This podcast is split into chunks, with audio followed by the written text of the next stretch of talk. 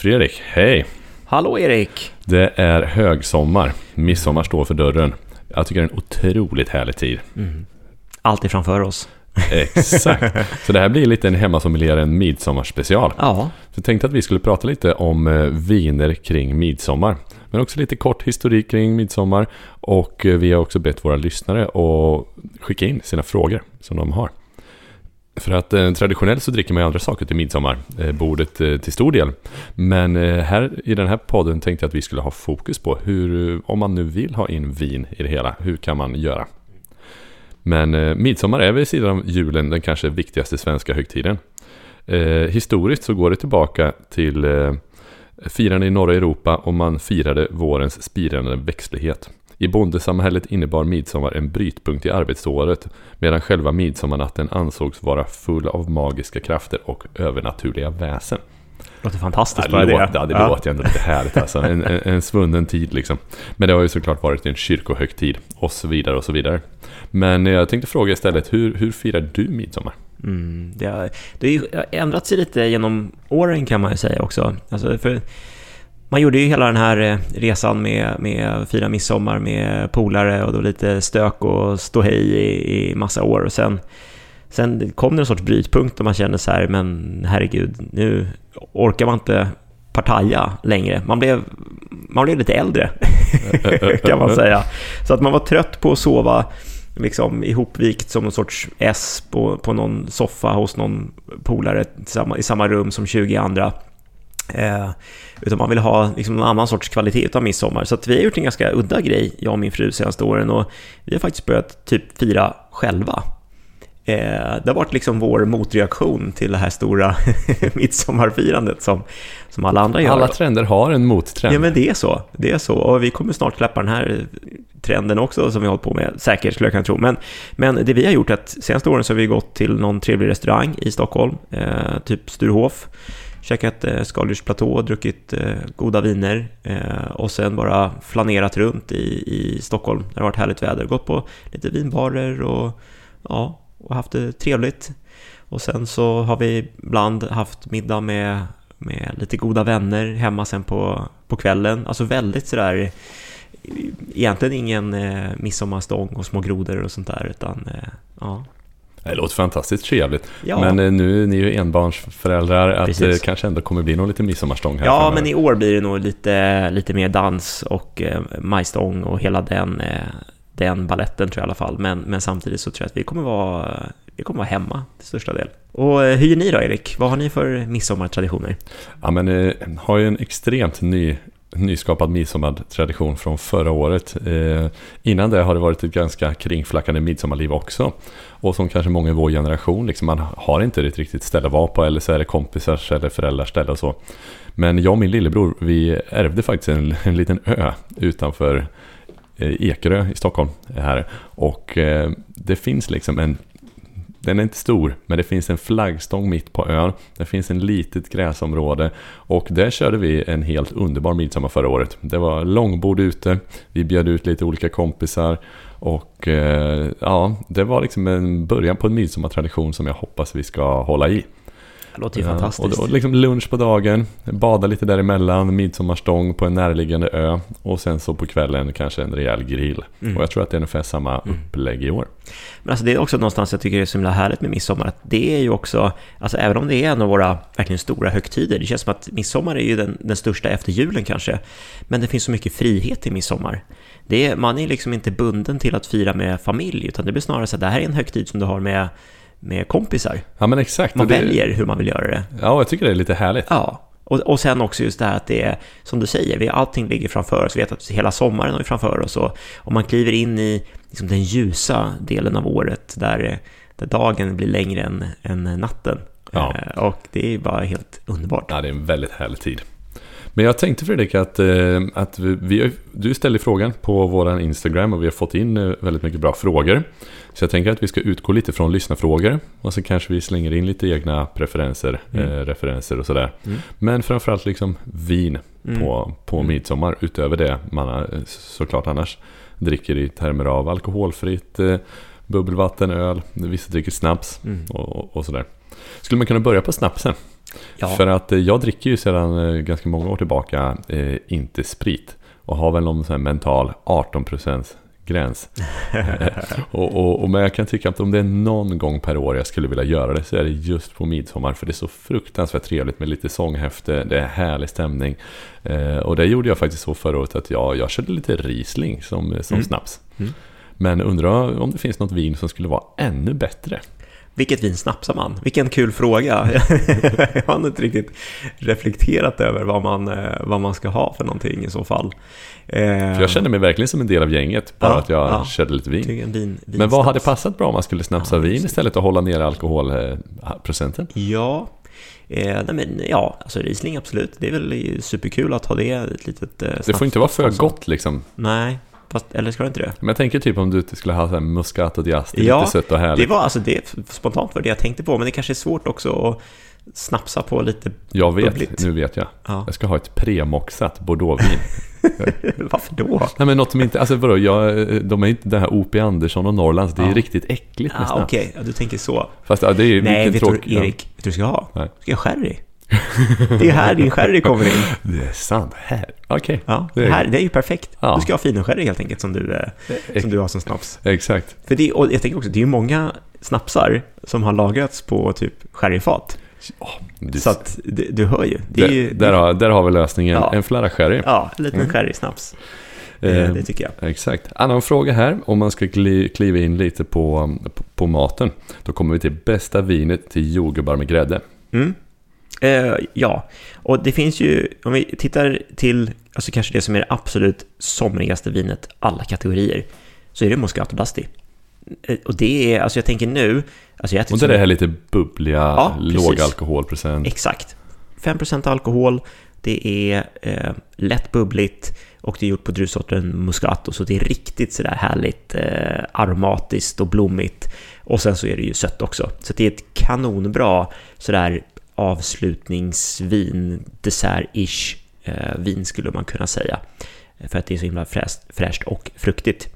Eh, och jag, menar, jag har ätit jättemycket jordgubbar och vaniljglass nu på sistone eh, senaste veckan. Ja. För det är, nu är det ju säsong verkligen. Ja, man ska passa på. Och det är så himla gott. Och då är moscaton perfekt till. Också högt järninnehåll i jordgubbar. Så om man ja, vill få upp sina järndepåer och så här så, så kan man uh, unna sig att äta riktigt mycket jordgubbar. Mm. Eh, nu börjar jag kanske lite fel ände, om vi ska börja liksom tidigare i ja. det man faktiskt kanske äter på midsommar. Eh, folk har nog sina variationer, man har lite olika grejer, men garanterat så har ju alla någon sorts sill. Det blir väl ingen riktig midsommar utan sill. Nej, det måste ju vara det. Eh, och då är det frågan om, från en lyssnare här, som heter Hilmer August, som undrar, endast Riesling som duger till matjessill, eller finns det annat? Mm. En bra fråga. Eh, och precis, matches det också då, det är ju lite mer punch i sillen också. Eh, men jag skulle säga, alltså sill är ju svårt, inläggningar är ju svårt med vin, för att det, det krockar ju, vinsyra krockar ju liksom med, med ättiksyra och så, men, men eh, det finns ju sätt att brygga det här på, som, som vi varit inne och pratat om tidigare när vi pratade om mat och vin i kombination. Och där är ju sötma en bra grej.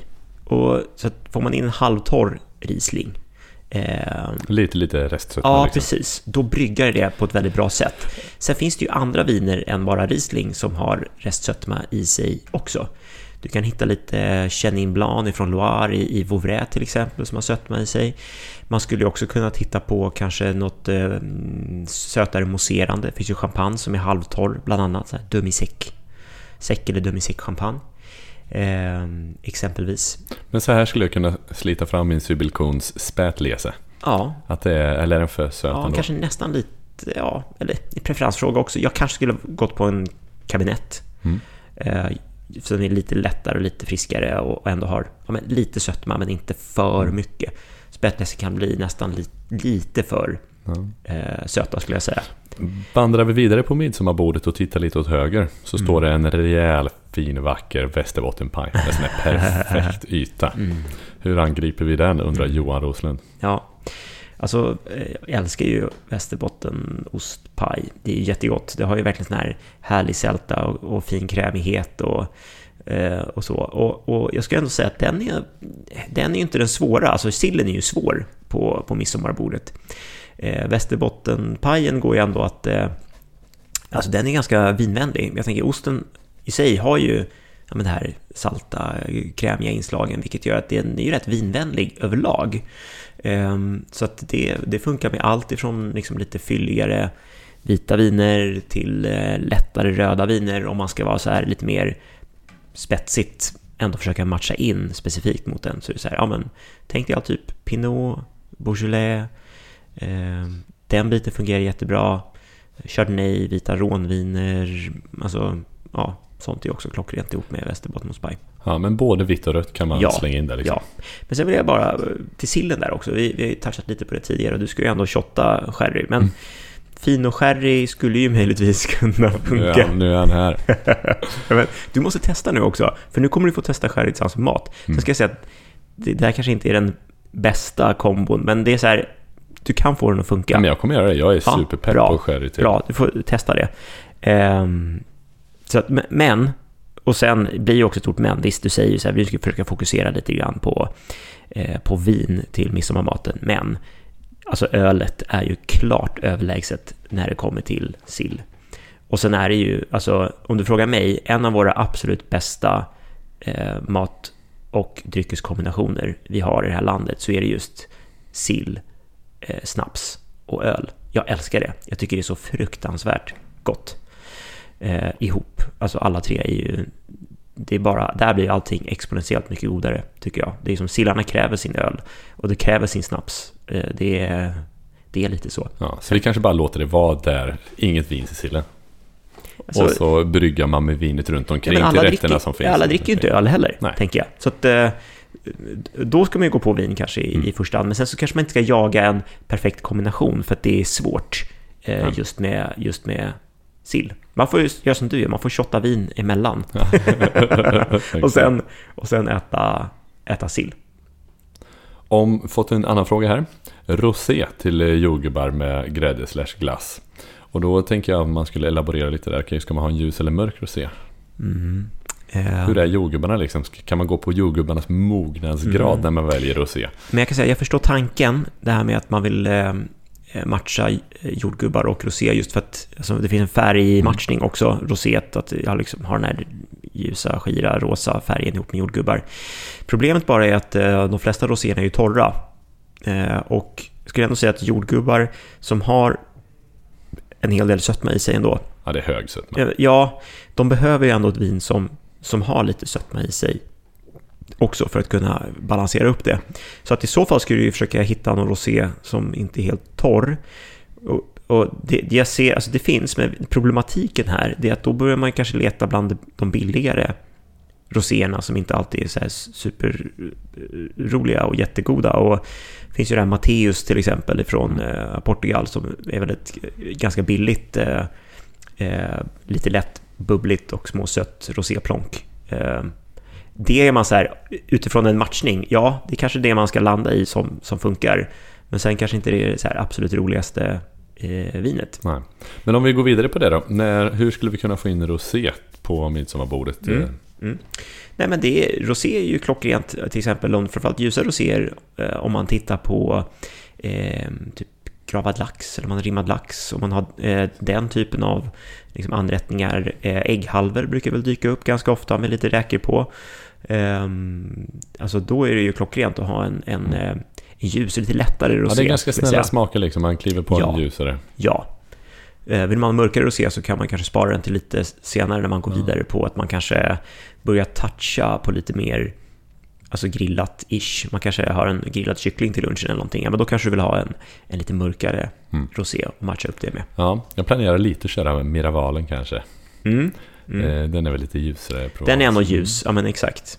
Då kan du ha den där. Men vad, vad har man mer på midsommarlunchen som du tycker är ett eh, viktigt inslag?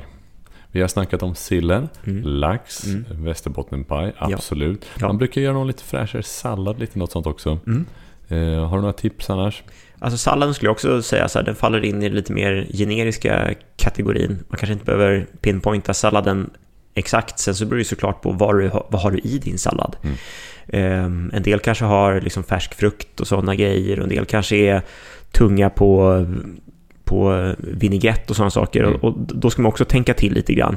Eh, har du mycket frukt i salladen, ja men då får du ut mycket sötma Ja. också. Och då måste du tänka, men hur, hur funkar det mot mot vinet. Och sagt, har du mycket sötma i maten så ska du ju helst ha ännu mer sötma i, i vinet. Just det. Eh, har, och sen... Eh, så det är ju liksom ett spår som är, som är eh, viktigt att tänka på. Och, och har du mycket vinägrett, alltså mycket vinäger, ja, då, är det, då är vi där igen, som vi pratade om i mm. inläggningarna. Eh, vinägersyran kommer ju också krocka med, med eh, vinsyran. Så att i så fall så kanske du behöver lite sötma som, som balanserar upp det. Eller så bara drar du ner andelen vinägrett och inte har sådär överdrivet mycket. Då är det bättre med liksom olja och, och lite salt. Ja. Ja, men jag, jag ser verkligen fram emot midsommarlunchen, det, det, det, ska bli härligt. Men jag tar nog med mig att försöka ha ett vitt med lite restsötma och en ljusare rosé. Det är nog två viner som kommer stå på mitt midsommarbord. Mm, mm. Nej men det känns ju, känns ju ändå givet va? Sen kommer det lite mer frågor och det relaterar till kanske vad som händer senare på, på, på, på midsommarafton. Och I alla fall för många. Och då har vi här eh, gärna tips på ett par riktigt bra viner till grillad entrecote. Mm. Oj, vad gott. Ja, det skulle jag gärna grilla på eftermiddagen ja. där sen, lite tidig kväll. Precis. Fast det är väl lite det man gör, tänker jag. Inte ja. det? Alltså, lunchen blir ju väldigt sådär fräsch och man sitter mm. ute i det, i det fria och sen, och sen så när det, när det börjar vankas kväll och man börjar bli hungrig igen, då, då åker ju grillen fram. Mm. Och då är det ju en schysst köttbit som ska på.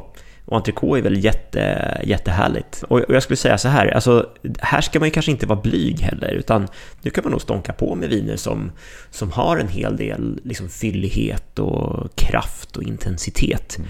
Eh, sen så beror det ju såklart på vad man har för, för tillbehör. Eh, men tänker man entrecote som, som alltså när den är eh, väl hängd och sådär, som är väldigt mör och den nästan smälter i munnen, Eh, gärna grillad, liksom så här rosa i mitten och, och, och ändå väldigt så här, fint kolad så att du får den här härliga brända Maillard-feelingen på den. Då är det ju klockrent i min bok. Och sen som sagt, vad, vad har man för tillbehör till? Det kanske blir någon sån här eh, somrig potatissallad på sidan eller man kanske har eh, lite sparris och mm. bearnaise brukar väl ofta hänga med på något sätt. Och, och där tänker jag ändå så att ja men Visst, man kanske inte behöver tänka de allra murrigaste höstvinerna, men, men eh, alltså ändå... Barolo? Ja, absolut. Bordeaux, klockrent. Ehm, röd Bordeaux, jag skulle också säga så här, ta gärna någonting från östra stranden, kolla typ Saint-Emilion eller, eh, eller därifrån, ehm, så du får lite mer rondör i vinerna också. Alternativt, eh, alltså absolut, Napa Valley gillar vi ju, snackar vi mycket om, Napa Cab. Ja, jag har ju köpt den här Frog Sleep Sinfandel. Ska ja. jag ta den till en sån eventuell Det är klockrent. Och det är också en lite stramare Sinfandel. Den är ju inte sådär eh, juicigt eh, sötfruktig heller, utan den, den har lite struktur. Så den står ju absolut upp mot en, eh, en entrecote på det, på det sättet riktigt bra. Eller varför inte kolla liksom i, i södra Rhône i Frankrike eh, och titta på typ, ja men det behöver inte vara, det kan vara Chateauneuf du Pape, men det kan vara Gigondas eller någonting sånt också. Jättegott har ytterligare ett, eh, en fråga jag tycker var ganska rolig från, eh, från någon som heter Julia. Och det är bästa vinet när barnen, inom parentes, förhoppningsvis somnat.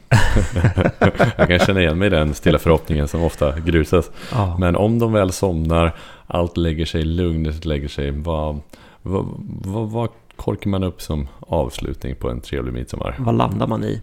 Jo, men då tror jag också någonstans att då ska man ju sätta sig med ett sånt här lite, det här avkopplingsvinet. Eh, och jag tänker om man är där i, i, i sommarsäsongen någonstans, alltså lite lättare röda viner tror jag är klockrent. Eh, och det kanske leder oss in på lite grann det vi, det vi har med oss. Vi har tagit med oss varsitt vin valde vi att göra idag. Exakt, och det råkade bli två röda. Ja, men det är, det är väl klockrent tänker jag. Det här är, så som vi sa till varandra också, det här är väl någonting som är, vad dricker vi på midsommar eller vad tycker vi är kul eh, midsommarvin att ha med? Så att eh, jag såg, eh, spana någonting att du har med någon sorts Pinot Noir. Yes. Ehm, det är Sydafrika från en producent som heter Moya Meeker. Mm. Kul. Och eh, jag kan ju inte otroligt mycket om Sydafrika. Jag såg att eh, Alf Tumle drack det här. Och eh, ja, du spanade lite på det när vi hade vårat Pinot-avsnitt tror jag. Mm. Och då tänkte jag, ja men jag klickar in den där. Mm. Snyggt. Ja, så vad, vad, tror du? Ska vi prova? Nej men absolut, absolut. Vi kör. Ja, då, får du, då får du servera oss Erik. Första gången tror jag. Första gången jag serverar vin här hemma som miljö. Ja, tjusigt. Tur att jag inte Fredrik såg min Ikea-öppning. Nej, exakt. Så häller du fel glas också. Nej, jag bara skojar.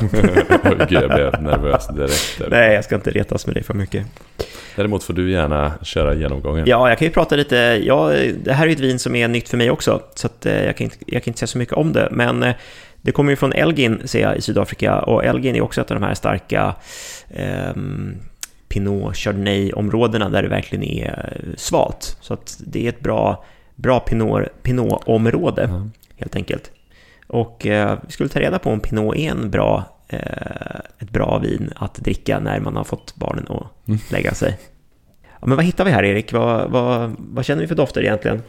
Nej, men jag tycker att det, det var inte så mycket frukt eh, när jag doftar. Mm. Utan ganska lite. Mm. Eh, kan du hålla med om det?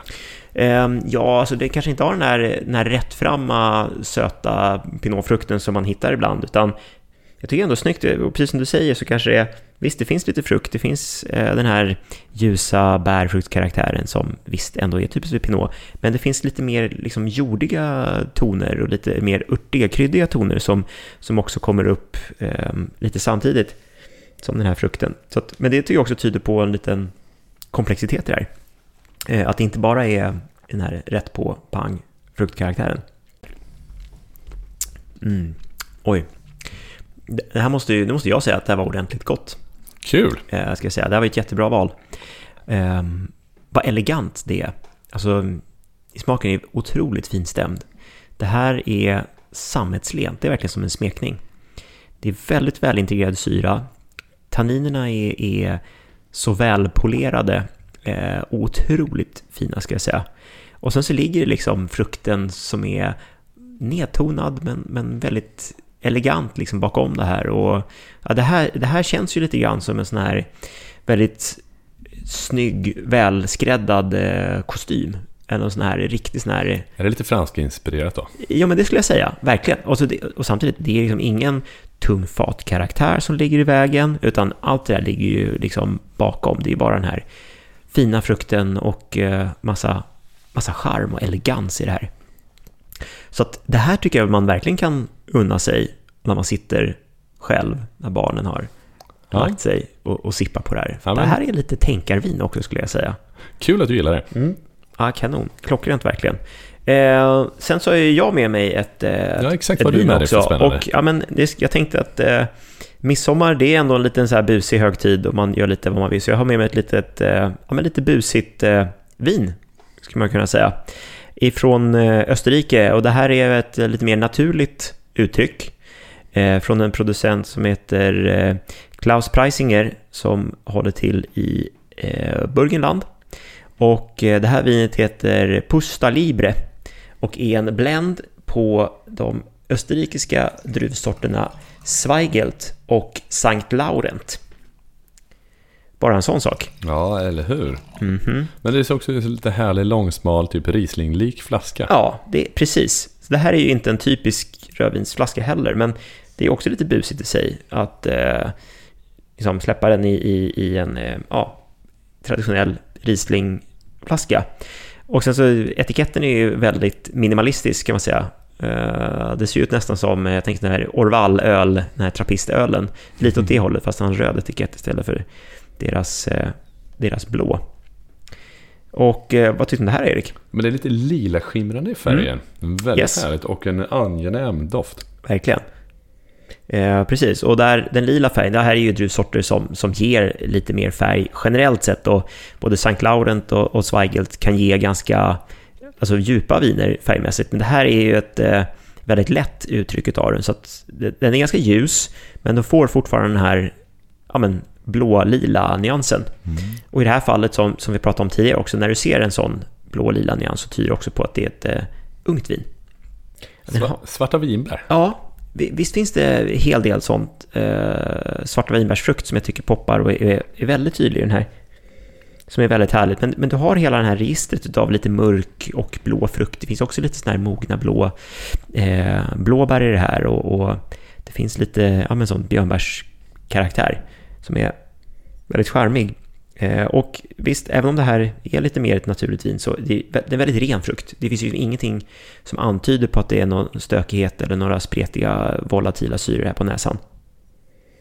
Utan det är väldigt snyggt. Det finns lite så här, kanske lätt eh, blommig karaktär mm. också. Alltså väldigt, väldigt lätt. Sån här rosenblad eller någonting som ligger klart bakom den här frukten. Men den är ändå nedtonad. Den är, det, är, det är snyggt och det är inte övergjort eller för mycket. Nej, och det var gott att det var lite, lite svalt serverat. Mm. Det här, och jag tycker det här var två ganska olika viner. Mm.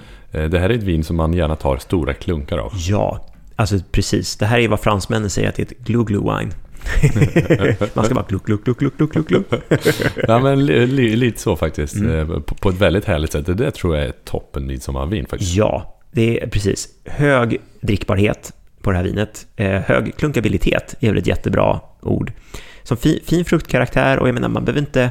Det här är inte så här, det här kanske inte är ett tänka-vin. Pinot som du hade med var mer ett eh, sitt ner och eh, pappa sitter och funderar över, över sin livssituation efter barnen har lagt sig.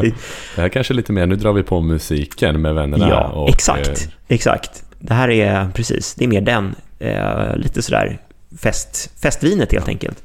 Eh, och som du sa också, jag hade faktiskt det här i kylen fram tills en stund innan vi eh, eh öppnade det. För att eh, det här är ett vin som, som man verkligen vill ha sådär svalt. Så ett svalkande, härligt läskande rött vin nu inför ja, med midsommar och sommaren ja. på ett härligt okomplicerat ja, sätt. Exakt, jag ska bara ta ett stort glas nu, känna solen i ryggen och kasta mig i plurret. Ja. Fredrik, en riktigt glad midsommar. Erik, detsamma. Och det önskar vi också alla er lyssnare. Ha en jätteskön midsommar. Skål. Skål. Mm, ska vi se om jag ska bomba i mig hela det här glaset. Ja, det var sjukt gott.